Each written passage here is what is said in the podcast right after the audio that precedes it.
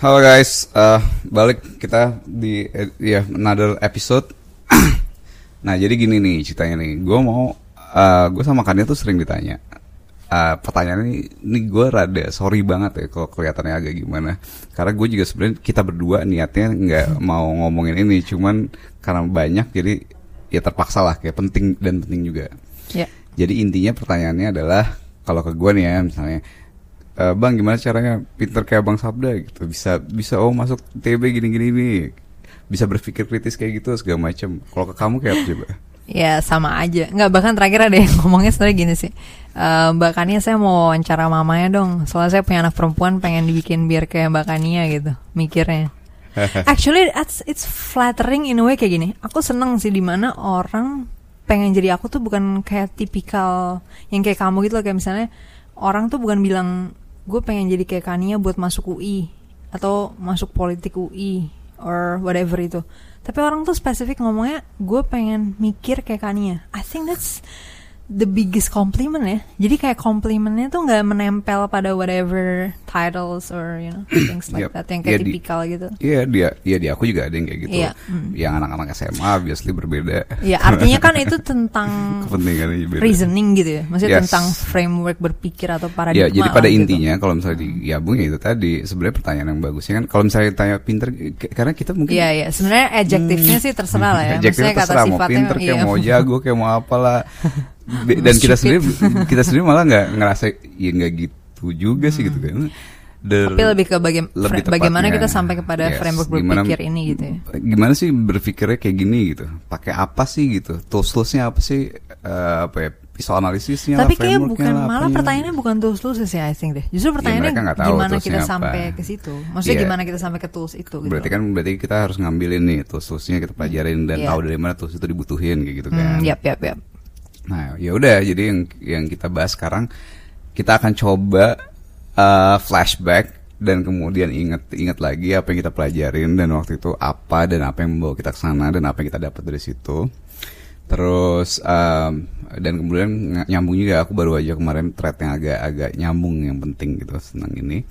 Dan ya udah kamu juga kayak gitu. Thread apa by the way? Yaitu yang soal aku belajar filsafat dari mana sih datangnya. Oh aku belum lihat sih. Ya adalah. Oh jadi ada thread twitternya Sabda. jadi kalau mau dilihat bisa Karena di. pertanyaannya bagus banget dari one of my student yang nanya bagus banget ya udah aku jawab Ya jadi ya thread. ya. Anyway, tadi tadi apa sih? Eh, ya, nah. Ya, bi- ya. By the way, ini kamu kamu tuh ada kecenderungan untuk lupa dulu belajarnya apa. so I will try to remind you. Kayak Oh gitu ya. Oke. Nah, kita dari mana mulai nih? Ya kalau dari aku memang aku sih biasanya selalu gimana ya, aku ngerasa gini-gini aja sih gitu. Jadi kalau aku ditanya eh berpikir kayak gini dari mana tuh aku bingung soalnya aku ngerasa aku nggak pernah ada perubahan apa-apa gitu dalam hidup aku. Nah, that's the thing tentang kamu bedanya sama aku. Apa? Kamu tuh punya bias baru mulu. Jadi bias baru kayak kayak misalnya ditanya nih, oh, oh, apa film yang bagus, serial yang bagus, yang terakhir ditonton yang bilang bagus, yang sebelum-sebelumnya udah lupa. Enggak, tapi kalau yang terakhir ditonton lebih jelek aku nggak bakal bilang yang terlalu Coba bagus. kamu kamu nonton Madam? Secretary. Aku nggak akan pernah bilang Parasite lebih Iya, bagus well, kamu nonton Madam Secretary, sebelumnya. kamu nonton Designated Survivor, kamu nonton West Wing, Hmm. dan itu nggak dimasukin selalu di uh, recommendation. Yang dimasukin di recommendation How to Get Away with Murder Enggak, yang sampah banget. Loh, Madam Secretary aku masukin ini kita jadi berantem soal film. Enggak, tadi barusan di live kamu nggak masukin itu. Anyway, so Hmm. uh, jadi jadi jadi gini, kamu memang ada bias nih untuk kamu nggak ngeh Recall bias. recall bias ya pokoknya apa sih last reason reason Nggak recall bias bentuknya macam-macam. Hmm. Tapi itu nama biasanya tuh recall bias dalam artian eh, bias ketika disuruh nge-recall suatu Hmm. memori nih. Jadi, nah itu yang juga terjadi. Aku tuh pertama kali. Nah ini kalau ini aku inget nih kapan aku belajar recall bias ini. Hmm. Gara-gara waktu itu lagi bahas tentang rokok gitu. Kan sering banget dokter-dokter tuh bilang rokok menyebabkan ini menyebabkan itu gitu-gitu kan. Padahal ketika dia ngambil data itu banyak peluang recall biasnya. Karena kan biasanya dokter kan nanya ke kamu gitu. Maksudnya ke orang kan? Misalnya nanya kamu gitu. Iya. "Eh, Pak Sabda selama hidupnya udah pernah ngelakuin apa aja gitu? Ya itu recall bias semua udah. Kamu udah ancur-ancuran memori kamu masih entah apa yang kamu sebutin kan? Nah jadi nanti dari hasil omongan kamu itu aku nyimpulin bahwa oh berarti ini gara-gara rokok nih Padahal itu aku nggak ngambil data objektifnya beneran hidup kamu isinya apaan ngerti kan? Hmm. Nah sementara jenis penyakit yang diasosiasikan itu adalah jenis penyakit yang biasanya multifaktor kayak misalnya kanker. Gitu. Ya oke. Intinya- Contoh aja. Yes, that's a sample. Nah ini aku inget way, sorry kalau Nah, bias. recall bias ya kayak, kayak So, I have gini, recall bias kayak lah. kamu ngerasa kamu gini-gini aja. Iya. Aku yang kenal kamu dua setengah tahun jauh banget kamu beda gitu. loh. Oh, iya. Jauh banget kamu beda banyak banyak loh. Eh, satu communication ya kan? Tadinya kamu audiensnya terbatas sekarang jauh lebih luas cara kamu berkomunikasi signifikan banget berubah. Gitu. Terus itu satu. Terus kemudian apa yang menjadi variabel utama dalam eh, orang ber- orang apa eh, making decision? Heeh. itu juga cara kamu analisis itu juga jadi berubah gitu. Oh iya gara-gara yang pertama. Iya sebenarnya dua hal itu sama sih aku satu sih in- intinya kan akar masalahnya lah dalam tanda kutip akar masalah dalam artian Yes. apa yang menjadi kebiasaan aku yang harus aku ubah untuk bisa sampai ke framework baru itu kan adalah my ignorance terhadap variable human ya Iya. variable orang. Aku ya aku memang nggak peduli manusia gitu kan. Jadi aku nggak pernah take into account pikiran manusia, perasaan manusia, persepsi manusia Ya. kayak gitu. Jadi gini guys. eh, ini ini dari my observation gitu ya. Kanye itu jago banget berdebat dan terbiasa dalam kerangka debat. Dalam berdebat itu Oh ya debat ini dalam artian ini ya debating championship Yes, gitu yes, atau uh, debating uh, competition ya, atau debate, club. debate club competition dan sebagainya. Perbedaan yang signifikan adalah di dalam perdebatan ini itu mereka udah pada sepakat nih bahwa perdebatan ini harus rasional dan sebagainya. Uh, logical false yang ber- ada nama aneh-aneh banyak gitu segala macam itu udah jangan di Itu kita nggak ada nama nggak pakai nama itu banget Iya. tapi cukup Aku stick tuh to hampir nggak pernah aja. ingat nama-nama Iya memang aku gitu. juga nggak sebenarnya nggak terlalu peduli dan sama nama dan dari situ ketika dia nyampein pendapat ada A oh gue nggak setuju sama kasih argumen segala macam that's dalam konteks perdebatan yang kayak gitu Oh, ini aku Right? nambahin dikit. Ini juga ada biasnya di sini. Jadi bias aku tuh sebenarnya yang umum terjadi di orang-orang yang kamu bilang apa penjara apalah itu. Jadi kita terbiasa uh, ngelihat kita ngiranya tuh kayak cuman ada satu varian nih di dunia ini tentang suatu hal gitu ya. Contoh yang paling umum adalah budaya ya kan. Misalnya orang secara umum percaya bahwa oh ya di seluruh dunia ini emang orang untuk seks harus sudah nikah gitu. Nggak mungkin ada namanya budaya orang nggak perlu Hmm. Bubble, nikah kayak gitu kan misalnya kayak gitu contoh. Nah aku tuh punya bias banget di situnya gara-gara audiens aku dari dulu uh, bubble dalam artian ya misalnya debating itu. Nah terus Yes. orang yang di luar itu aku nggak ajak ngomong itu Iya, masalahnya. jadi jadi jadi kamu ya itu yang eh, eh, apa jadi Kanye tuh punya punya punya bubble gitu ya dalam bentuk ya di dalam debating champion ini isinya ya orang-orang yang udah rasional logik dan sebagainya segala macem. Jadi ketika ngomong dia nggak mikirin mungkin intonasinya marah-marah segala macam nggak mikirin lah. Yang penting isinya gitu bukan konteks pembawaan sebagainya Iya, emosi dan siapanya juga aku nggak pernah terlalu peduli. Orang selalu Siapanya- disebut first speaker of the house, first speaker of the government Iya, side of the jadi house. kan mau yang ngomong siapa yang penting isinya ma- eh, argumennya masuk nggak dan sebagainya sebagainya. Nah jadinya kamu kebawa ketika ngobrol sama orang jelasin ke orang diasumsikan semua orang kayak gitu gitu. Dan aku punya ignorance tadi juga di, maksudnya dalam artian aku nggak ngobrol sama yang di luar itu dari Nah, dulu. Jadi maksud jadi- sebelum ya, debating jadi- itu aku juga nggak punya jadi dari experience. situ si si Kania itu kan biasanya nggak tertarik sama sama orang sama orang tertarik sama orang. Oh ya tertarik sama topiknya gitu. Jadi ada yang bisa bahas topik ini ya udah yuk gitu. Kalau nggak bisa bahas ya gua ngapain ngobrol sama lo gitu kan.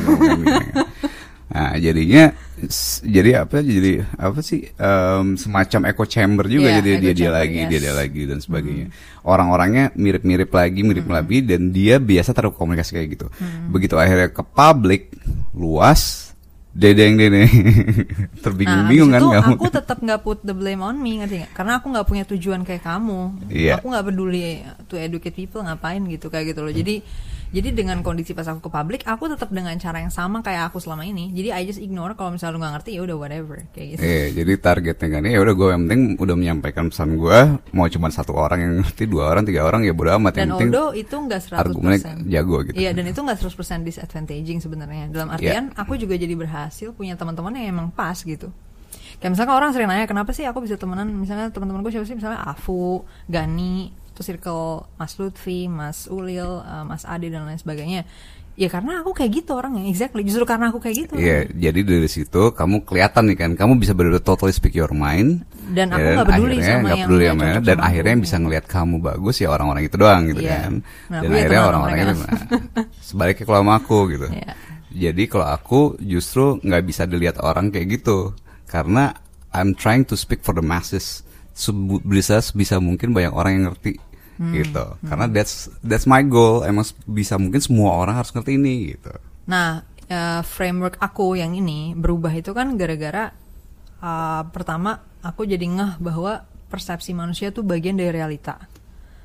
Nah, kan aku framework-framework sebelumnya bukan framework-framework sebelumnya sih, framework utama ya sebelumnya. Itu kan aku cuma ngambil pokoknya aku terima semua data empiris lah gitu.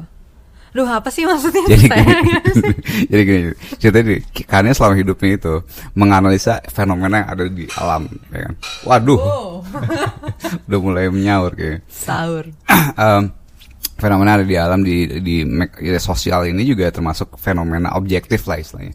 Nah, fenomena eh, objektif itu pendekatannya jelas scientific sebagainya, eh, realitasnya kayak apa segala macam. Ya ada bukti empirisnya. bukti empiris tuh apa ya eh, kenyataannya seperti apa, realitasnya seperti apa gitu. Nah, Iya. itu itu itu yang the only concern lah bisa dibilang Iya. kamu kan kayak gitu kan. Iya.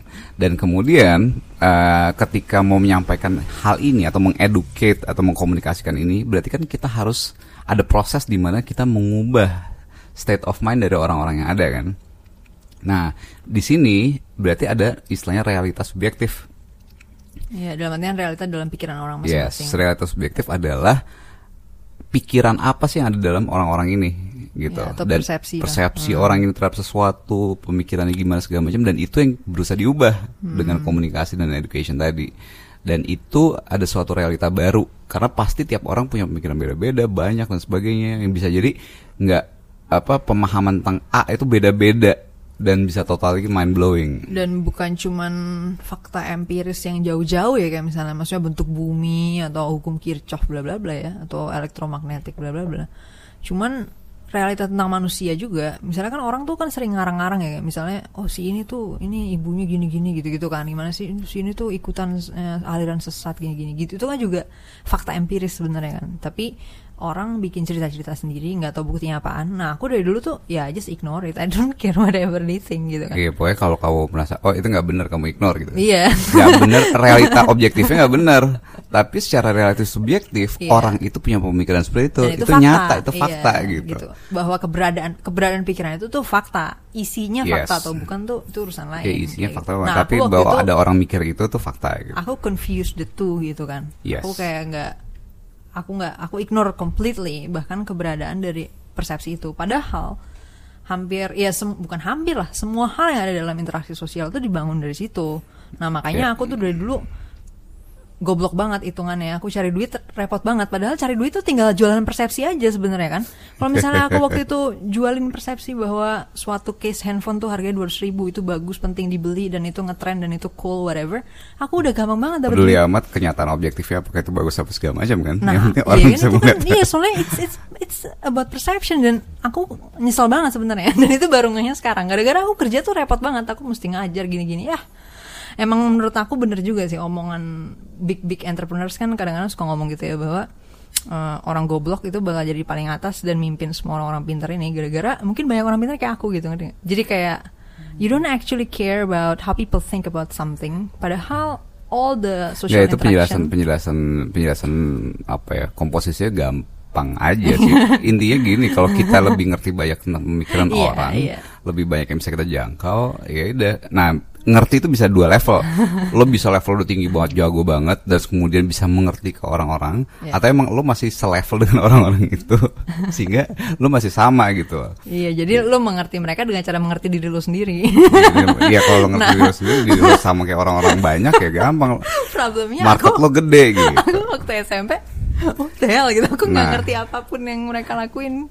Well, that's Apaan the apa ya, gitu kan? kadang kalau yang misalnya genetically kamu banyak bedanya repotnya di situ emang. Iya benar. Anyway, so ya udah itu satu aja itu itu satu itu fix signifikan loh. Dia there's another re- realita objektif dan kemudian Hmm. kamu punya realita subjektif harus understand.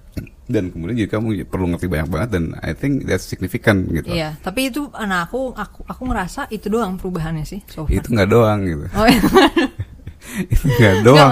situ. Domainnya tuh banyak gitu. Oh, gitu ya. Dan misalnya domainnya satu gitu kan, Ah. tapi isinya tuh banyak banget. Karena apa? Kamu dengan realita objektif, kamu urusan dengan satu realita objektif. Iya. Realita subjektif, pemikiran orang ada banyak macam Iya. di berbagai macam domain. Ada yang mikir A, B, C dengan satu pemikiran aja gitu. Bumi ke bentuknya kayak apa? Macam-macam Nah, kan. ya. itu perubahan itu itu dimulai dengan care sih sebenarnya. Jadi eh, peduli dengan suatu variabel. Sebenarnya kan itu yang aku lakuin selama ini ignorant terhadap suatu variabel. Sebelum masuk ke situ, kita justru balik lagi ke belakangnya dulu nih. Ke mana nih maksudnya? Ya udah dulu, Oh. justru dulunya nih apa nih? Nah itu dia, aku ngerasa ya mostly pikiranku gitu aja sih. Ya, kecuali perubahan yang soal itu doang. Nah, ya udahlah ya, ada gangguan-gangguan Iya, kayak sorry, gini. sorry. Namanya lagi work from home. Ya. Nah, um, so jadi ceritanya gini. eh, pertama, yang aku lihat bahwa ada yang awal banget itu ada kita ada kesamaan ya. Jadi eh, dibilang kamu gini-gini aja ya gini-gininya apa gitu. Oh. Orang kan orang kan nggak tahu nih gini-gininya. Nggak, orang soalnya biasa nanya gini, clean thinking gitu. Ya, Hmm. Orang nanya clean or clear lah ya, pokoknya whatever itu lah. Intinya bersih gitu kan. Kak, kok bisa sih kak mikirnya tuh kayak gitu gitu? Maksudnya nggak karena aku kan lempeng-lempeng doang, simple-simple banget gitu loh. Aku tuh kalau berpikir ya simple aja, pokoknya datanya apaan, gini-gini, udah selesai gitu doang kan. Ya. Nah orang tuh bingung kenapa bisa kayak gitu. Nah aku malah bingung kenapa mereka bisa kayak gitu kan. Justru Yes. gara-gara aku dari awal ya emang kayak gitu. Aku nggak pernah ada yang namanya ada asumsi-asumsi sendiri orang begini-begini gitu kan. Aku nggak pernah. Aku sampai sekarang aja aku selalu tanya loh. Misalnya orang bikin istilah gitu kan. Misalnya eh gue nggak setuju tuh sama sosialis. Aku tanya aja definisi sosialis apa. Gitu. Aku nggak ber- berasumsi sendiri. Ngapain aku berasumsi sendiri? Nah, exactly. This is this is the first start kan. Jadi the first start Iya. ini justru default kita tuh kayak gitu. Nah itu defaultnya Aku kosong. juga defaultnya kayak gitu. Iya itu artinya default itu kosong. Nah. Ya kan berarti kan itu memang itu that's it. Ya, memang memang defaultnya kosong. Problemnya gitu. adalah justru kebanyakan ketika kita tumbuh nih kan, ketika tumbuh Hmm. akhirnya banyak juga eksternalitas nih dari eksternalitas sorry apa eksternal factors lah dari Iya. orang tua dari apa segala macam yang justru membuat kita kusut based on my observation kebanyakan para pemikir-pemikir ini dasarnya udah kayak gitu tapi nggak diganggu gugat sih sama sekitarnya sama keluarga sebagainya segala macam Oh nggak nggak ada disinsentif atau insentif yang memaksa mengubah mereka gitu ya. Iya, nggak ada eh, apa ya, nggak ada keuntungannya, nggak ada kerugiannya, mau ikut Oh, nggak insentif ikut, ya. Nah, iya, misalnya contoh gini, salah satu faktor yang sama antara kamu sama aku sebenarnya ada satu, kita nggak peduli sama orang. aku juga kayak gitu, kalau bukan gara-gara jadi guru, awalnya bodoh amat orang mau kayak apa gitu kan. Iya kita kan Iya. care about our own business aja. Jadi kita kita care eh, kita care eh, on business tuh maksudnya pemikiran kita sendiri gitu. Iya. Dari kecil kita mikirnya mikir apa bodoh amat orang lain nggak ikutan mikir gitu kan. Iya, Orang lain mau mikir ya segala macam of kita no- ya udah urusan gua aku suka ngoding, aku suka matematika, aku suka musik dan sebagainya segala macam. Dan it. rebahan. Dan rebahan. Eh, nah, akhirnya kita jadi nggak gampang terinter interferensi Interfer- interferensi kayak gelombang.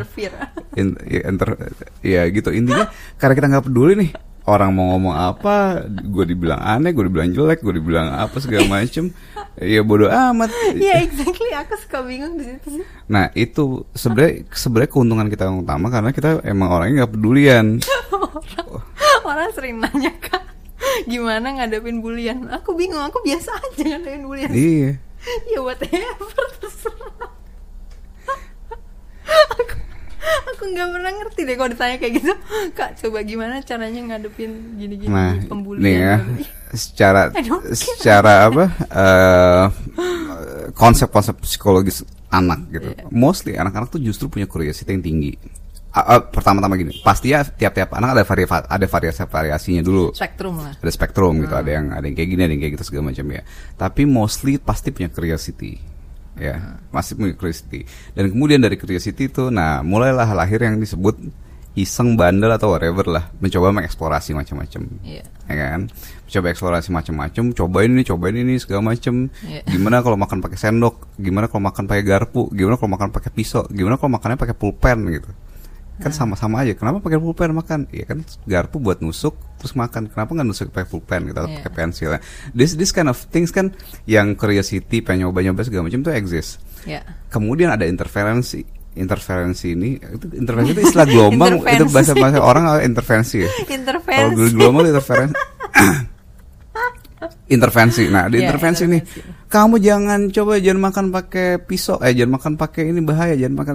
Akhirnya kebentuk nih suatu suatu norma, norma apa ya, suatu aturan dasar yang eh, oh ya kalau gitu kalau eh, kalau misalnya makan nggak boleh pakai ini, kalau tidur harus jam segini, kalau ini nggak boleh nggak boleh nggak boleh nggak boleh harus dan nggak boleh nggak boleh banyak. Jadi akhirnya kebentuk dan akhirnya si anak ini karena mau nggak mau ya, mereka biasanya harus nurut gitu kan sama orang tua sama keluarga dan sebagainya dan kalau nggak itu dicap dimarahin nangis dan sebagainya nanti dia teman-teman juga sama yang terjadi adalah intervensi-intervensi ini kecenderungannya akhirnya mematikan kreativitas eh, atau jadi berpikir dengan berubah eh, aslinya kayak apa jadi berubah gitu.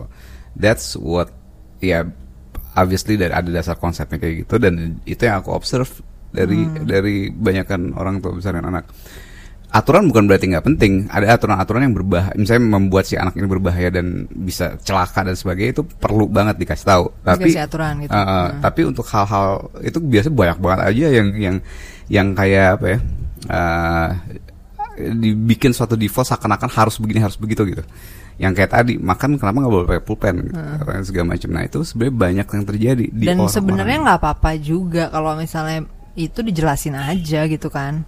Ya bahwa di pulpen itu kan ada tinta. Tinta ini kan chemical, chemicalsnya bahaya ya kalau yang kayak gitu. ya oke lah misalnya sebenarnya basically itu Ya, contoh. banyak uh, banyak aturan yang nggak penting emang nggak cuman sekedar karena nggak nggak apa nggak wajar nggak Iya, iya. nggak nggak ya nggak serak aja lah gitu. jadi ya nggak pas lah gitu. Tapi aku biasa selama ini kalau kayak gitu-gitu aku terabas-terabas aja sih. Aku kayak nggak peduli aja sih. Kan mamaku sering ngomong kayak gitu kan tentang aku kan. Kan Nah kamu justru itu tahu, makanya aku bilang gitu. kan kita kan nggak pedulian nih Oh, iya, sama benar. orang, ya kan? Kalau Iya, kita nggak jadi- pedulian dimarahin bodo amat. Jadi sering banget eh, nyokap gue juga sering banget kayak ngomong misalnya, aduh nggak nggak bener banget itu baju kamu nggak bener banget. Terus kan gue tanya kan, apanya sih maksudnya nggak bener apanya gitu kan? Terus nggak bisa dijelasin sama dia apanya nggak bener. Jadi cuma ngomong ya nggak bener aja. Iya terus, ya terus gimana kan kita we can establish a conversation dengan nggak bener aja. Ya terus apa? Nah. Nah, itu banyak banget kayak gitu. ada bagian di sini yang ada ada miss dikit. Jadi gini, Eh, kamu sama aku nih eh, waktu kecil kita punya satu kesamaan yang memang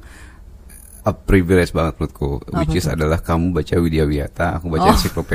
science. Karena gini, karena gini, kan kamu tadi mama bilang, eh, jadi gini, kebiasaannya orang ketika di disuruh sama orang tua, eh jangan gini, jangan gitu, jangan segala macam, nggak nanya balik kenapa, gitu. Banyak yang nggak nanya balik kenapa karena ya sebenarnya nanya balik juga sih, nanya balik di waktu kecil, kenapa emang nggak boleh, kenapa ya waktu kecil, terus ngeselin, akhirnya digampar, nah, akhirnya jadi nggak berani lagi kayak gitu gitu kan Oh dihukum gitu ya biasanya. dihukum eh, segala macam uang jajan eh, atau apalah pokoknya dihukum Ya. kalau kita kan nggak peduli kalau aku privilege-nya di mana nggak pernah digituin mama saya m- orang tua gue by the way itu sangat-sangat eh, nggak ada aturan-aturan kayak gitu di di jadi gue mau nanya apa pun segala macam jadi ya udah gitu bodo amat gitu nah kalau kamu nggak peduli sama orang jadi kalau di- nanti dimarahin dia segala macam ya udah cuek lagi gitu Pukul bener. pun ya udahlah gitu kan. Nah, kebanyakan orang jadi behaviornya berubah, jadi takut. Ah, Jadi iya. mempertanyakan sesuatu tuh emang udah kebiasaan. Dan baca buku itu akhirnya jadi kita punya gini loh. eh, kualitas buku zaman itu itu bener-bener bagus banget penjelasan kenapa kenapa kenapa.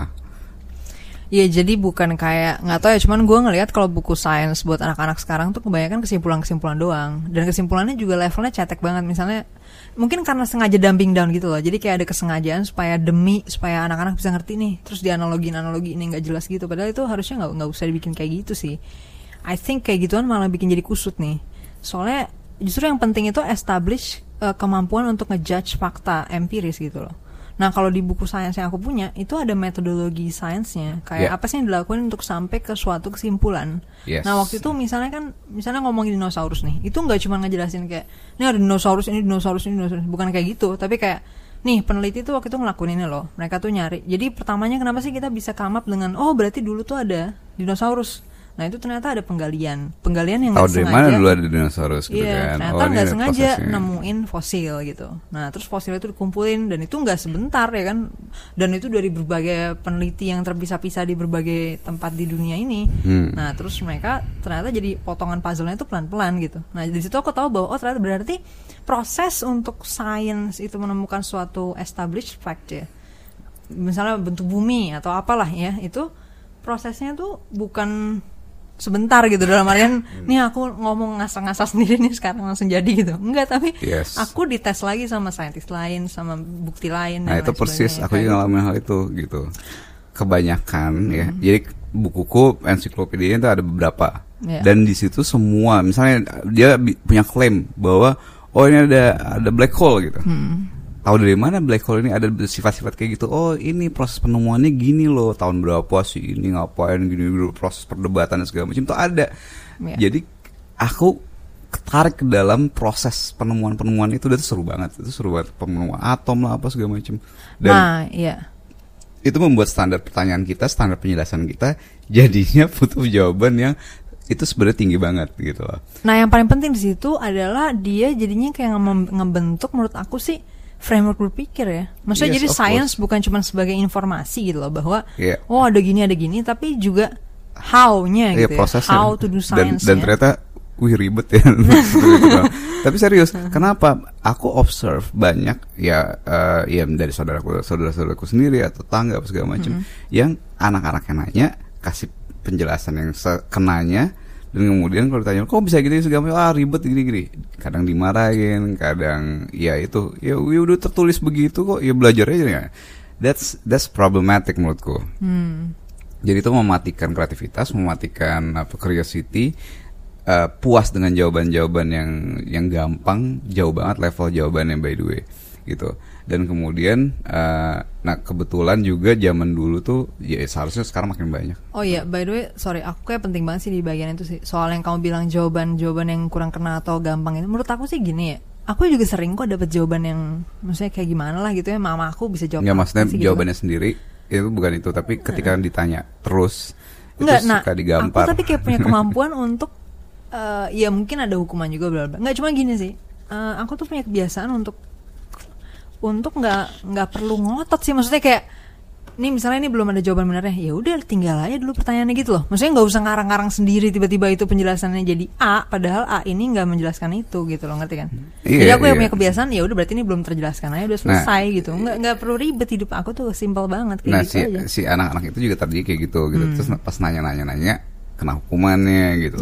Ada takut lah untuk nanya Oh, gitu iya, kan. iya, iya belum tentu sih. itu juga aku ngalamin sendiri. Iya, iya. karena aku di keluarga yang sangat sangat sangat bebas nanya bisa digali gila-gilaan. Hmm. by the way ini sekedar info ya eh, guys kalau misalnya gue tuh kalau jalan-jalan sama bokap nyokap gue itu selalu banyak banget pertanyaan-pertanyaan yang aneh-aneh dari mereka maupun dari gue gitu. Misalnya kayak nih kenapa sih jalanannya sepi? gitu. Kenapa jalanannya sepi? Dan tadi kita jalannya rame Wah langsung peta nih, ini Jakarta, ini segala macam lewat sini, lewat sini, lewat sini, karena lewat sini ada jalur utama, jadi banyak banget mobil, bla bla bla, kehidupan ekonominya lah segala macam. Ini kita belok, ini segala macam. Itu kayak gitu. Oh, kenapa Nah, sih lampu merah warna itu. merah? Kenapa bukan warna lain sebagai? Pas nih topiknya untuk nyontohin yang aku maksud tadi. Iya. Ini kan aku kan aku nggak tahu nih semua ini ya. Nah, aku tuh the way I deal with this adalah oke gue nggak terlalu tertarik nih sama masalah ini ya udah I just don't care. But I know that I don't know it. I don't know it gitu. Misalnya geografi. Ya aku tahu bahwa ini ada geografi, ini ada bumi kayak gini, ada peta kayak gini. But when I don't care, I don't care. Jadi aku nggak tentang itu kayak gitu. Nah itu tuh aku nggak ngotot untuk bikin penjelasan aku sendiri ngerti kan? Nah termasuk kayak human behavior, aku tuh paling kesel sama orang tuh ngapain bikin sok-sok ngarang-ngarang sendiri gitu loh kayak misalnya, oh kalau lu kelahiran Januari berarti lu keras kepala gini. gini. Nah kalau nggak tahu ya bilang aja nggak tahu gitu. Maksud aku tuh kayak aku tuh kan kayak gitu aja. Kalau aku nggak ngerti ya udah I don't know. That's it. Kenapa harus rempong-rempong bikin ide sendiri yang nggak karuan gitu loh basis penjelasannya. Maksud tuh aku tuh nggak ngertinya di situ. What triggers them untuk untuk kayak gitu? gitu. Nah, kalau bagian itu aku ngerti. Iya Oh, emang gitu ya? ada harus ada penjelasannya. Oh gitu. Iya karena apa? kenapa harus ada? Ya, well, nature dari human itu memang kita nature dari human adalah semua itu pengen diketahui penjelasannya. Iya selesaikan dulu yang jadi masalah yang depan mata aja dulu. Lah itu bagi mereka depan mata. Oh gitu. Iya sifat orang itu depan mata Karena gue akan nipu dia Gue gimana caranya gue bisa nipu dia dengan sukses Ya gue harus tahu behavior Oh gitu ya? mereka Oh, berarti Mereka dagang Mereka segala Aku macam nggak menganggap bla, itu masalah gara-gara aku nggak peduli ya. Exactly. Iya bener juga ya.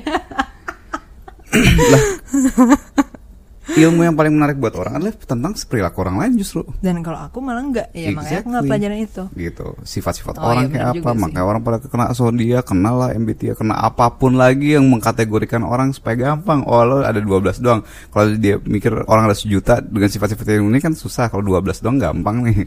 Jadi average 12 behaviornya kalau trade di 12 tipe gimana ya gampang. Ya walaupun kalau mau mengkategorikan orang ya mungkin secara kecenderungan-kecenderungan bisa lah ya into simplified model ya. Iya, iya. Hmm. intinya adalah eh, banyak ya itu tadi memang di sini ada intervensi yang berbeda, which is Hmm. yang jelas-jelas ya agama lah gitu. Itu membuat udah biasa ada penjelasan-penjelasan jeder, Oh, jeder, iya, jeder, iya, jeder, iya, jeder iya. harus jelas dan sebagainya. Makanya aku setujunya agama diperlakukan kayak pilihan presiden aku bilang waktu itu. Iya, I know. Itu Uh, jadi kalau dewasa. bisa orang uh, Iya. umur 17 lah baru ini kan nggak mungkin kan dia masa kayak kayak presiden aja masa kita bayi-bayi lahir kita bikin kan pilih Jokowi pilih Prabowo Ya, kan nggak exactly. kalau mungkin. kalau mama mendidikku kan gitu kan. Jadi orang tua gue juga kayak gitu by the way. Jadi jadi ya udah itu pilihannya belakangan gitu. Bukan ketika lahir dikasih pilihan ya, belum bisa milih, belum bisa mikir segala macam dikasih pilihan kayak gitu. Cuman biggest trapnya sih kalau dari agama sendiri emang memaksa gitu. nah itu udah PR paling besar udah. Nggak bisa diapain lagi. ya karena justru kita terekspos dengan segala macam banyak pilihan di waktu kecil. Itu dulu tuh Iya, iya, apa ya bokap gue guys by the way punya bener-bener believe in exposing kids to a lot of choices aja sih. Hmm. Jadi supaya kita bisa tahu ada pilihannya ada apa aja eksplorasinya segala Bahasa macam. Indonesia dong bang ya. Saya ada yang komen gitu soalnya. Jadi kasih pilihannya banyak banget deh pokoknya deh. Jadi mau ini ini ini segala macam mau mau apalah dari dari yang nggak penting jenis musik lah apa segala macam pelajaran yang sukanya apa segala macam kasih segala macam pilihan. ya. Jarang banget diajarin bahwa harus begini harus begitu. Yang diajarin adalah kalau milih A konsekuensinya gini, kalau milih B konsekuensinya ini. Contoh nih yang paling ekstrim adalah bahwa gue pernah ngajarin nih. Kamu punya pilihan nih, ya walaupun simplifikasi ya. Kamu punya pilihan nih menjadi orang nih, jadi orang yang jago banget dalam suatu hal dan susah banget di di apa di sama orang lain sehingga kamu mau jadi bajingan kayak apa pun kamu bisa aja bisa hidup karena skill ini nggak ada orang lain yang punya. Atau pilihan kedua bisa jadi sangat adaptif enak semua orang suka sama kamu ya kamu nggak jago apa apa tapi orang bisa suka sama kamu jadi kamu bisa hidup. Kasih Iya. pilihan kayak gitu. Nah konsekuensinya ya, ya serah kamu disebelin sama orang tapi jago atau gimana aku nggak disuruh untuk Iya. jadi orang baik gitu. Enggak tapi dikasih pilihan dikasih tahu konsekuensi that's what happened to me Kalau aku sebenarnya nggak gitu sih. Maksudnya mama aku sebenarnya mostly dia kasih sih eh, preferensi dia gitu. Jadi dia aku tahu preferensi dia tuh kayak gimana dan aku tahu anytime aku nggak mengikuti preferensinya. Tapi aku ya udah ignore aja sih. Maksudnya apa susahnya aku nggak ngerti deh. Apa susahnya ignore advice dari orang yang kita anggap salah. Gitu Nah, sih itu menurut dia aku. itu menurutku privilege untuk- Nasihat dari orang itu kan bebas gitu. Nggak, ini, ini kan ini kan ini kan suatu privilege yang bisa juga apa sih lawannya privilege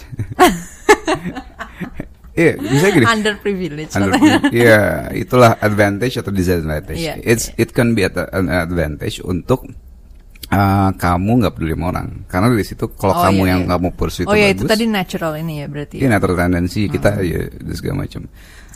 So, jadi tadi ya kalau karena kreativitas nggak dimatiin, akhirnya bisa nanya bebas. Kita pursue macam-macam, Iya. standar jawabannya tinggi dan kemudian kalau nggak ada jawabannya kita bisa cuek aja. Sorry, berarti sampai sini mungkin harus ada sama dikit nih. Berarti sampai sini kita tahu bahwa justru faktornya itu bukan faktor eh, eksternal ya dalam artian justru nggak justru minim intervensi gitu. Jadi bukan justru kita harus ngelakuin A B C kan orang kan banyak yang nanya orang tuanya ngelakuin apa sih? Justru tuh justru nggak usah ngelakuin ya justru maksudnya justru kurangi ngelakuin gitu ya bukan bukan malah ngelakuin ini itu ini itu, Beda-beda ya. itu tadi di kamu sama di aku beda gitu. Oh, gitu Ada ya? ada perbedaan-perbedaannya. Kalau kamu misalnya mama kamu kan ada intervensi sebenarnya tapi kamu iya. cuek. Iya, tapi kan berarti kan dengan logika itu, berarti kan justru intervensi-intervensi Nah, yang banyak tapi ini gini, malah kalau di keluargaku jadi noise gitu. di keluargaku justru dikasih Oh, iya, dikasih iya, iya. pilihan-pilihan dengan konsekuensi gitu dan kemudian di trigger ya, pasti setiap jalan-jalan pokoknya di mobil bareng udah pasti Oh, berarti ngobrolnya banyak intervensi itu ya berarti intervensinya jatuhnya. itu Iya, yang iya, justru iya. mengkonstruksi knowledge tadi gitu Jadi Trying to- intervensinya bukan narrowing down uh, Pilihan. pilihan dan pikiran Yes. ya. Jadi pikiran tuh bukan disempitin ya, Yes. malah dibuka ke Sebanyak- other, ke ah, sebanyak mungkin alternatif dan alternatif sebagainya. dan pilihan, contoh-contoh Yes. varian-varian yang Yes. ada. Ilmu-ilmu di dikasih eksplorasi dari mulai ujung ke ujung kemudian juga eh, yang aku ngerasain juga jenis-jenis novel dan film jadi dari mulai yang western Indonesia apa dulu film-film kungfu serialnya dia itu suka banget film kungfu Nah, kalau aku berarti justru sebaliknya sih. Ya, di sini menarik sih. Jadi justru kalau kamu diekspos sama banyak pilihan, kalau aku justru enggak, tapi at the same time aku juga nggak diharuskan untuk accept. Jadi aku sebenarnya lebih banyak ignore sih sebenarnya. Maksudnya kalau aku gamenya tuh lebih banyak ignore. Habis itu aku uh, stay open aja dengan apa pun exposure baru itu ya stay open. Tapi yang kayak kamu bilang sih, aku kan juga ada kecenderungan close minded dalam beberapa hal yang mungkin karena itu, karena aku nggak ada kebiasaan untuk diekspos ke begini begini begini begini justru karena itu. Aku justru udah ada nih, cuman dua referensinya lah gitu. Preferensi mamaku sama aku tahu bahwa aku nggak suka itu udah selesai. Tapi aku nggak tahu yang lain lagi itu apa ngerti kan? Nah makanya kayak makanan misalnya kan, ya aku cuma bisa mengeliminate apa yang ditawarkan sama mamaku yang aku nggak suka. Tapi yang di luar itu lagi aku udah nggak tahu lagi. Oke. Nah, next move. Ya. Itu kan, kan dasar banget waktu kecil nih behavior. Next move adalah begitu sekitarnya mungkin kelas 4 5 6 deh nih stage berikutnya. Oh ini tadi berarti stage apa sih yang tadi? Ya SD SD bawah dari Oh, kecil banget dari early, kecil banget, early ya? early early Hmm. childhood SD ya, awal ya, ya, early ya. SD.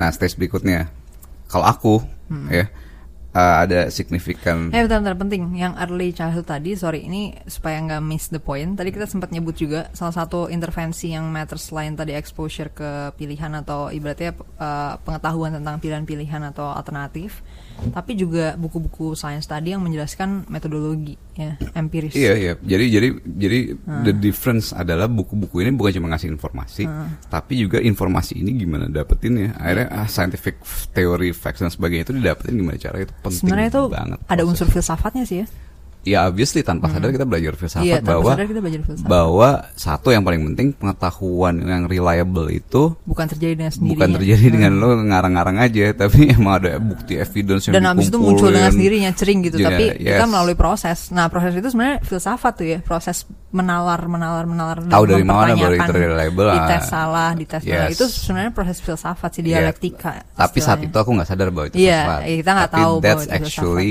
lahir dari filsafat. Iya. Dan nah di satu sisi juga ada ranah matematik. Ini kalau aku nemuin ini. Hmm. Jadi jadi aku agak sadar dari awal bahwa perbedaan antara matematika dan sains. Hmm. Gitu. Agak masih ada ada in- ada ins- intuisi lah gitu. Hmm. Apa bedanya matematika sama sains? Karena karena gini guys, dulu gue tuh suka ya obviously suka matematik gitu kan kayaknya i gampang jadi gue suka ngejar itu terus ngejar soal matematik gampang. Iya. Tapi di satu sisi eh kerasa bahwa matematik tuh gampang ditemuin gitu. Kayak bisa ngarang-ngarang sendiri ditemuin bener bener bener. Sedangkan sains kita baca-baca bukunya panjang banget itu untuk muncul gitu.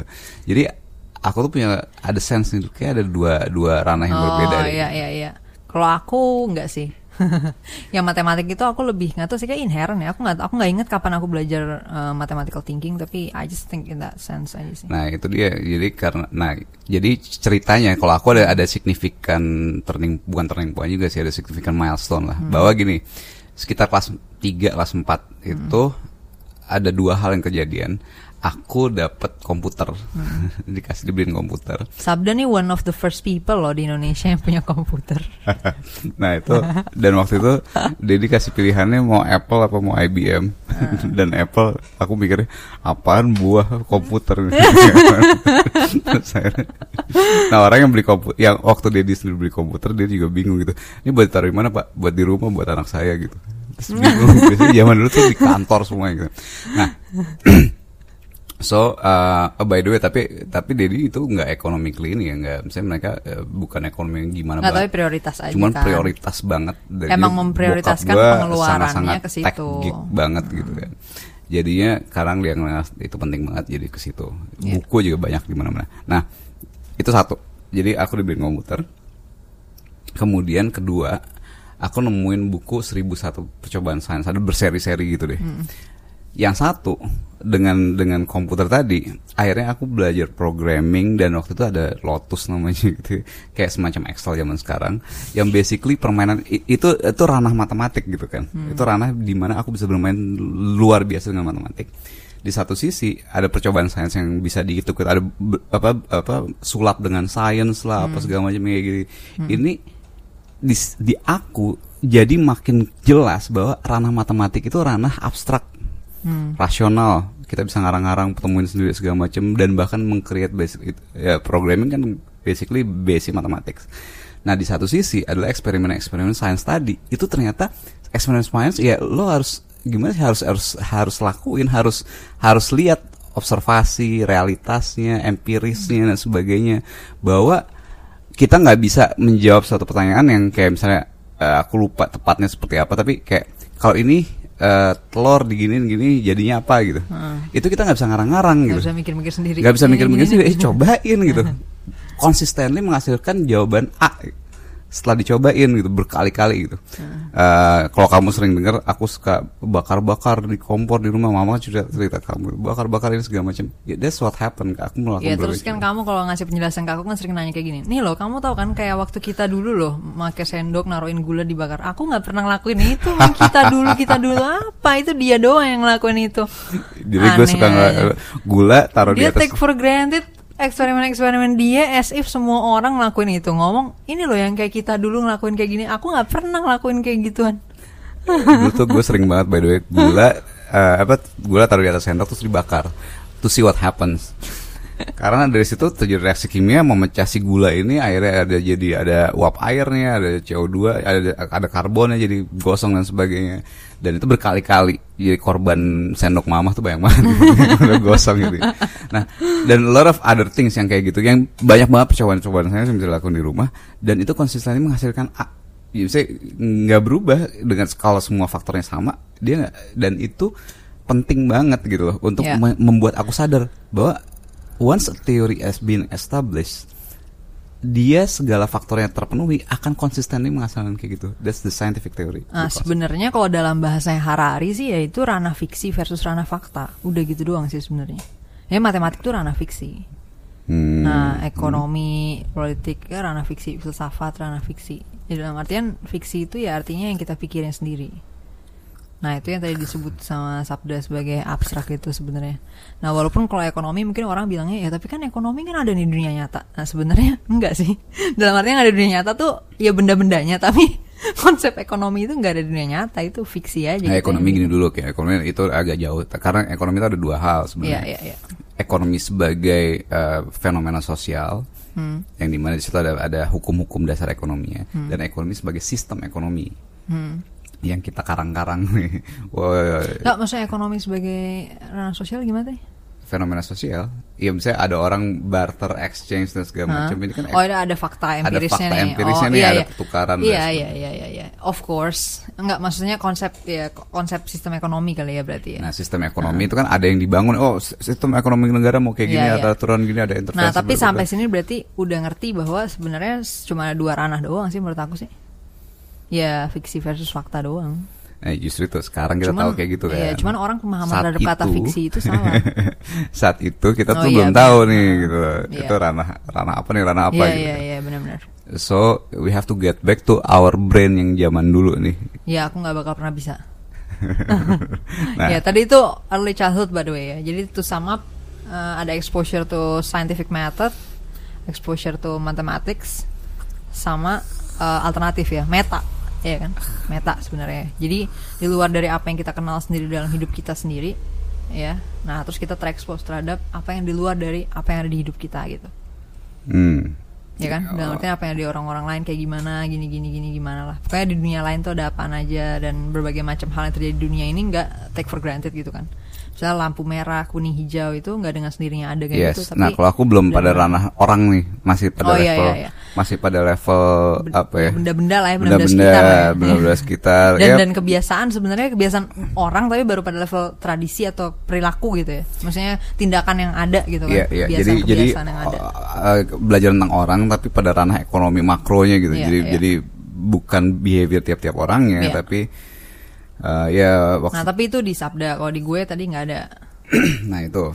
Nah aku cukup signifikan di situ. Jadi observasi terhadap realitas tuh apa ya kalau yang scientific tadi itu jadi aku bener-bener ngeh gitu loh. Bahwa yang adanya namanya teori tadi teori-teori science itu nyata gitu loh. Terus yang Bu- sama orang-orang dibilang cuman teori itu. Nah itu yang orang-orang cuma teori. Gila itu itu kalau ka- gimana ya kalau uh, lo ac- actually doing it lo bakal amazed bahwa teori-teori itu nyata nih nyatanya ada gitu bahwa misalnya nih uh, pohon gitu ya akan bergerak menuju ke matahari gitu dan consistently kalau ya kayak di- bahkan dipakai pakai apa sih namanya maze ya maze yang ribet gitu dia akan tumbuhnya ke, ke arah mataharinya iya, baru iya. ditutup dan segala macam. Oh iya itu aku juga ngelakuin sih kalau itu, karena diwajibin by the way. Nah itu, Uh, the worst part of eksperimen science yang diwajibin itu aku jadi nggak dapat apa-apa.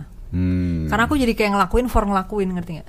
Jadi aku nggak punya tujuan to understand. Aku cuma punya tujuan jadi missing the point untuk Iya, jadi itu. missing the point. Karena aku just doing for doing, for the sake of doing, bukan for the Ya, sake pasti of kan pasti at one point kita per- pernah memperhatikan ini pertumbuhan kecambah sih. aku aja nggak ngerti sampai sekarang tuh. Itu sebenarnya apa sih tujuannya? Serius, aku cuman kayak kan gini disuruh nanam. Aku kan waktu itu olim biologi by the way kan, Heeh. waktu SMP itu. Jadi aku kayak fuck, I know this gitu. Maksudnya aku nggak ngerti apa yang harus dicari karena ah, ya for sure kalau misalnya aku nanam itu pasti dia tumbuh gini gitu. gini this, this, apa this yang is the thing ya. This is the thing. Aku aku dulu punya sahabat eh, tetangga aku namanya Sandy. Iya. Jadi eh, kan kita tuh abstract thinker ya. Jadi ketika kita punya teori apa, kita belajar teori apa, kita tahu oh ya udah realitasnya pasti kan kayak gitu. Iya dan dan dampaknya terhadap yang mana yang mana yang mana kasus-kasus yang berbeda ya udah pasti ya udah gitu, udah kita jelas. pikirin gitu. Iya, udah pasti kayak nah gitu. aku tuh amazed ketika temanku itu kita tahu nih bahwa namanya biji kalau ditanam jadi tumbuh dong. Iya, iya. So ketika dia actually nanam dan tumbuh terkaget-kaget anjir beneran beneran beneran tumbuh beneran beneran tumbuh gila Masa gila gila gila Oh, iya gitu? serius iya, kita nggak sengaja nggak sengaja ini nih ada biji salak nih kita kan suka salak kita tanam dan ternyata tumbuh tuh terus Oh. keluar segala macam. Kita kaget-kaget anjir Ya, berarti ini terus beneran kejadian nih apa yang bakal Nah, ini anak SD kelas 5 kelas 6 atau segala macam dan ter- terkagum-kagum. Nah, aku waktu olim kelas 5 udah nyampe genetik soalnya materinya. well yeah that's the Nah, difference. Jadi in the theoretical part tuh aku udah makanya mundane gitu makanya aku. makanya dari dari dari sampai sekarang pun aku sukanya biasanya ilmu-ilmu yang eh, dekat banget sama realitas Oh iya, iya. fisikanya fisika yang dekat sama realitas dan segala macam karena itu tadi a lot of amazing things yang ternyata ternyata aku ya baru tahu dari temanku dan adiknya gitu bahwa teori-teori yang kita pelajari di sekolah segala macam itu ketika kita actually doing it mereka ternyata totally amazed aja gitu Nah, tapi habis itu missing the point. rasanya. Habis itu missing the point karena biasanya cuma tahu bahwa kan disuruh ngelakuin nih. Ini supaya gini. Nah, dia ngira tuh ini supaya tumbuh udah gitu. Bukan bukan bukan dalam rangka pembuktian saintifik ngerti Iya, sih? iya, Bukan jadi kayak ya udah gue ngerti ini tumbuh that's it gitu. Makanya jadi kacau karena emang karena emang kita tuh nggak di nggak dikasih framework apa yang harus dilihat gitu loh dari proses eksperimen itu kayak gitu. Nah, ya udah, oke. Jadi di situ yang kalau buatku ya, yang aku alamin mungkin buat orang lain yang ya, lo mungkin yang dengar segala macam eh, itu ngaruh bahwa ada koneksi antara teori-teori yang gak jelas dipelajari di sekolah ini dan di mana atau di mana pun itu dengan realitas. Ketika dicobain sendiri tertakjub-takjub gitu. Dan itu juga kebetulan ya, kan aku tadi coding programming tadi. Eh, di programming tadi itu itu juga aku jadi bisa jadi di program itu aku bisa gambar grafik-grafik gitu loh. Gambar grafik, gambar lingkaran, gambar Oh, kurva iya, apa iya, segala iya. macam. Itu semua dibikin pakai persamaan matematik. Iya. Dan itu juga ternyata amaze mereka juga bahwa ini persamaan matematik yang kita pelajarin. Tapi ini udah SMP kalau nggak salah. Persamaan matematis yang kita pelajarin, kita program, terus ternyata grafiknya grafik garis jadi garis gitu. itu amaze juga gitu. Kayak ke- ya seharusnya kan enggak dong Iya, ya, iya. misalnya kita udah tahu, tapi tapi ada koneksi nih. Ini bukan eh, ini apa ya? Ini ini hub- eh, ini hubungannya dengan antara antara berpikir abstrak dengan concretion aku jadi ngeh banget bahwa penting ya ternyata realitas ini harus dirasain sama orang supaya benar-benar bisa ngubah uh, pola pikirnya. Oke, next. Kamu waktu di SD berarti itu apa yang kamu what's what's the what's the thing yang yang you know shape you? Berarti abis early childhood tadi selesai nih ya? Ya sampai SD lah, sampai akhir SD. Oh berarti sampai akhir SD. Ya aku ada olim science aku. Aku kan Olim Science aku seleksi internasional ya. Sorry. Jadi levelnya bukan bukan ngafal-ngafal lagi, bukan. Aku eksperimen aku udah level yang motong-motong planaria jadi 20 tau gak Terus oh jadi 20 nih cacingnya fuck gitu kan. Terus habis itu kita jadi mikir-mikir ya bisa gak ya combine gennya dia sama gennya manusia? Imagine how many billions people we can create in a minute aja. Orang dipotong langsung bikin baru lagi kan. Terus juga bayangin kalau kita tangan kita kepotong gara-gara kena gergaji nggak sengaja Terus tumbuh lagi gitu kan. Jadi aku ngebayangin kayak gitu pas nyobain si planaria itu. Nah jadi waktu aku Olim Science itu kan materinya sebenarnya hitungannya materi mungkin kuliah kali ya terus SMA kelas 3 kali. Ya. tapi aku itu kelas 5 jadi aku udah masuk materi evolusi genetika itu dari SD hmm. gitu. Nah cuman memang evolusi aku nggak masuk ke behavior ya. Tapi aku tahu konsep random mutation non random selection. Tapi aku nggak masuk ke behavior manusia gitu. Karena ini lebih kayak ya secara umum aja tentang genetika. Jadi aku nggak masuk ke memetics ya gitu materi evolusinya tuh genetics doang makanya aku juga baru Hmm. terekspos terhadap istilah memetics itu kan ya pas dia gede banget maksudnya udah baru-baru aja kan setelah kenal tulisan-tulisannya Dawkins atau Shermer dan lain-lain gitu Yang kamu pelajarin di situ yang signifikan kira-kira apa? Yang shaping. nah itu dia itu dia aku tuh selalu ngerasa nggak ada perubahan apa-apa sih otak aku begitu-begitu aja Jadi nambah aja gitu. Oh ada pengetahuan yang Apa nambah ya? aja nih. Gitu. Jadi ya nambahin nama-nama keren aja ya bahwa ada gimana sih ya ada random mutation itu kayak keren banget gitu kan. Terus pas aku ke kelas kan aku langsung sosokan ngantem-ngantem guru aku gitu kan. Kan guru aku kan tukang ojek gitu kan. Kebiasaan kamu dari dulu sampai sekarang. Apa? Kalau kamu belajar hal baru, bahasa baru kamu pakai tanpa orang ngerti bahasa peduli amat. Enggak enggak, tapi kalau aku waktu SD aku lebih iseng lagi dari sekarang. Aku aku lebih snob lah gitu waktu aku SD. Kalau sekarang aku kan udah lebih bijak lah. Lah, kamu tetap aja kamu belajar bahasa baru. Aku kasih kamu bahasa baru juga nanti dipakai di Twitter udah pasti. Ke- kelihatan Enggak, banget. waktu aku SD, Padahal orang nggak ngerti. waktu SD aku snob banget Definisi gitu. padahal aku yang bikin sendiri. aku kayak aku kayak pengen banget ngerjain guru aku gitu. Jadi karena aku kan aku kan waktu itu belajar klasifikasi kalau di sekolah kan cuman cuman dihafalin doang kan. Kayak misalnya ada kingdom gini gini. Nah kalau di olim tuh kan nggak kayak gitu. Tapi aku benar-benar harus tahu what indicates ini gitu. Dan aku juga tahu bahwa eh, ada keterbatasan sebenarnya dari klasifikasi itu gitu. Bahwa kita tuh klasifikasi tuh fiksi gitu ngerti nggak? Nah itu kita diajarin gitu bahwa eh, ke- kalau keberadaan suatu spesies ya dalam bukan suatu spesies lah suatu organisme nih gitu itu fakta. Tapi organisme itu masuk ke dalam satu kategori yang kita sebut sebagai mamalia misalnya itu fiksi gitu loh. Karena konsep mamalia or whatever yang ada dalam klasifikasi itu kita bikin sendiri untuk simplify our own needs gitu Oke, biar aku jelasin. Jadi gini, eh, guys, ketika lo dengar kata fiksi, bukan bukan bukan kamu ribet ya. Ketika lo dengar kata fiksi, please be mindful. Ini berbeda dengan definisi fiksi yang biasa, bukan definisi Emang pengertian fiksi. Iya pengertian fiksi orang ngarang lah. Itu mitos. ngarang. Nah, mitos, mitos, oh mitos. fiksi itu mitos bukan bukan Nah, mitos dalam artian- exactly, this is my Nggak, point. mitos salah satu Dari one of the fiksi. fiction yes. Yes. tapi ini bukan ya, Ya ini bukan makanya aku mitos mau mau maksudnya. clarify Oh, iya. justru Iya, iya. itu. Nggak, Fiksi itu iya. basically ya intinya adalah created by our misalnya nih lo ada meja, meja nyata ada mejanya ada ya, oke. di dalam realita Dari realita. Terus kemudian kita ada meja, ada kursi, ada lemari segala macam. Kita kategorisasi sebagai furnitur. Nah, furnitur ini udah mulai-mulai memasuki ranah fiksi nih. bahkan kata meja itu juga Ya fiksi. kata mejanya sendiri itu fiksi ini mejanya nyata nih tapi kita membuat kata meja ini jadi Iya. namanya meja Itu itu, udah masuk ah, bikin. Itu. bahwa meja tuh merefer ke itu loh mengacu ke itu loh gitu bukan mengacu kepada roda tiga yang bisa jalan sendiri gitu nah itu udah udah masuk ranah fiksi nih. Dan kemudian apalagi dikategorisasi jadi furnitur gitu furniture. Udah mulai makin gede fiksinya. Klasifikasi dalam biologi tadi itu yaitu karangan manusia. Matematika fiksi di sini adalah bahwa ini karangan manusia loh. Angka tuh karangan manusia. Gitu. Ada sa- misalnya kita ngeliat ada satu apel dua apel segala macam ya kita kan nggak namain satu dua tiga. Kita nggak kita bisa ngitung apel itu karena kita punya fiksi matematik tadi punya konsep angka dan sebagainya. Iya. Nah ini perlu banget untuk dimengerti dan, dan ini agak susah sebenarnya. Jangan ya ini, ini ini ini agak ribet dan jangan sampai intinya salah kap eh salah kap salah tangkep bahwa fiksi itu mitos. Nah terus aku tanya guru aku kan manusia masuk kingdom animalia atau enggak? Bentar bentar. Nah, eh, terus kan aku nanya kan, eh, apa namanya manusia tuh masuk kingdom animalia atau bukan? Terus ya of course guru aku bilang, nah manusia ini sebenarnya masih diragukan ya. Aku langsung stop dia sampai situ doang. diragukan apanya indikator udah jelas kok. Kayak gini kayak gini kayak gini kayak gini. Udah jelas nih Kingdom Animalia. Dan Animalia tuh bukan maksudnya itu konsep dari kita sendiri gini gini. Jadi aku kayak sengaja buat ngerti gak sih? Iya buat dibikin dia bete aja itu satu. Hmm. terus yang virus juga. Aku tanya virus organisme atau bukan?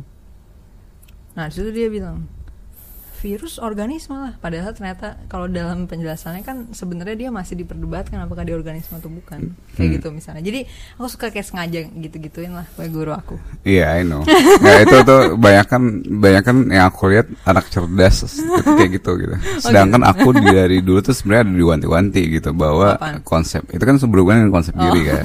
Bahwa konsep diri itu bahwa itu yang aku bilang bahwa eh, kalau misalnya kita apa ya misalnya butuh jadi butuh untuk ada pengakuan segala macam ya kita butuh pengakuan itu jadi sedangkan kalau aku dari dulu diajarin sama Dedi bahwa sekolah usah- belajar tuh nggak sekolah sekolah guru tuh bisa jadi nggak ini segala macam Nah, aku tapi kalau kelakuan aku kayak gitu, aku bukan nyari pengakuan sih. Soalnya aku udah dapet pengakuan terlalu banyak. Justru gimana ya? Iya, iya macam-macam ada pengakuan, ada Iya, yang aku kayak lebih I'm having fun, I think sih. That was, I think that's what ya, I did. having fun ya. Kayak si Fre ya, siapa tuh si ini ngasih sampah? Oh, dia having fun by isengin orang gitu kan.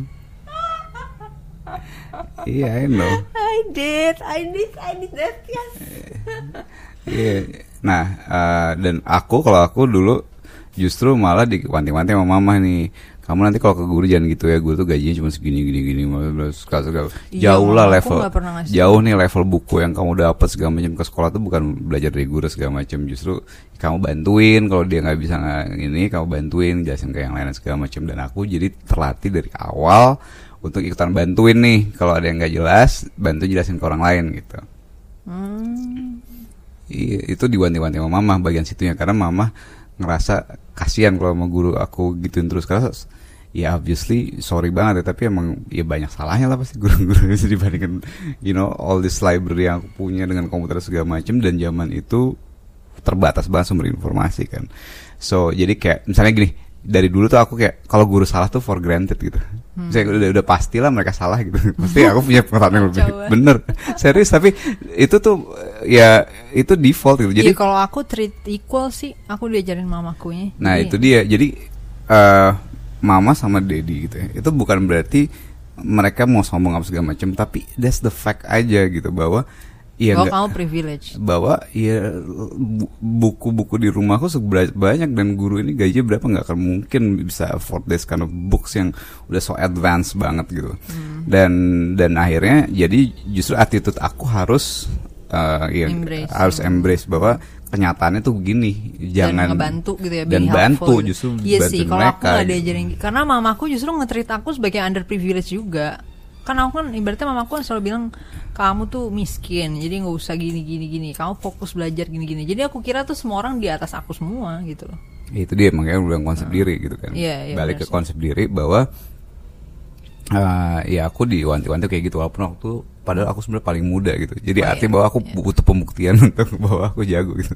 Tapi justru itu kayak kayak jangan kayak gitulah Nora gitu kayak semacam ada di gituan Nah, jadi sampai end of SD tadi ya. Nah, kira-kira aku, end of SD. Aku tadi adalah ada olim, terus kamu lebih ke eksperimen. eksperimental ya, eksperimen. totally Total eksperimental eksperimen. Aku juga doing eksperimen, tapi juga again masih dalam kerangka yang diwajibkan gitu. Maksudnya kayak track, udah ada tracknya gitu. Kalau kamu lebih bebas kan? Ya, eh aku mau nambahin satu lagi aku Oke. lupa ya. Jadi di di zaman SD itu eksperimen selain uh, computers dan programming dan science tadi, aku juga belajar tentang bisnis, economics dan sebagainya. Jadi Oh, iya, iya. uh, kebetulan ya Dedi juga bisnis, uh, terus kemudian om uh, om Oni, salah satu om gue tuh by the way uh, dulu you know, trading saham dan investasi dan saham segala macam. Akhirnya ngajarin gue uh, forex trading, uh, investasi ke mata uang segala macam dan bla bla bla.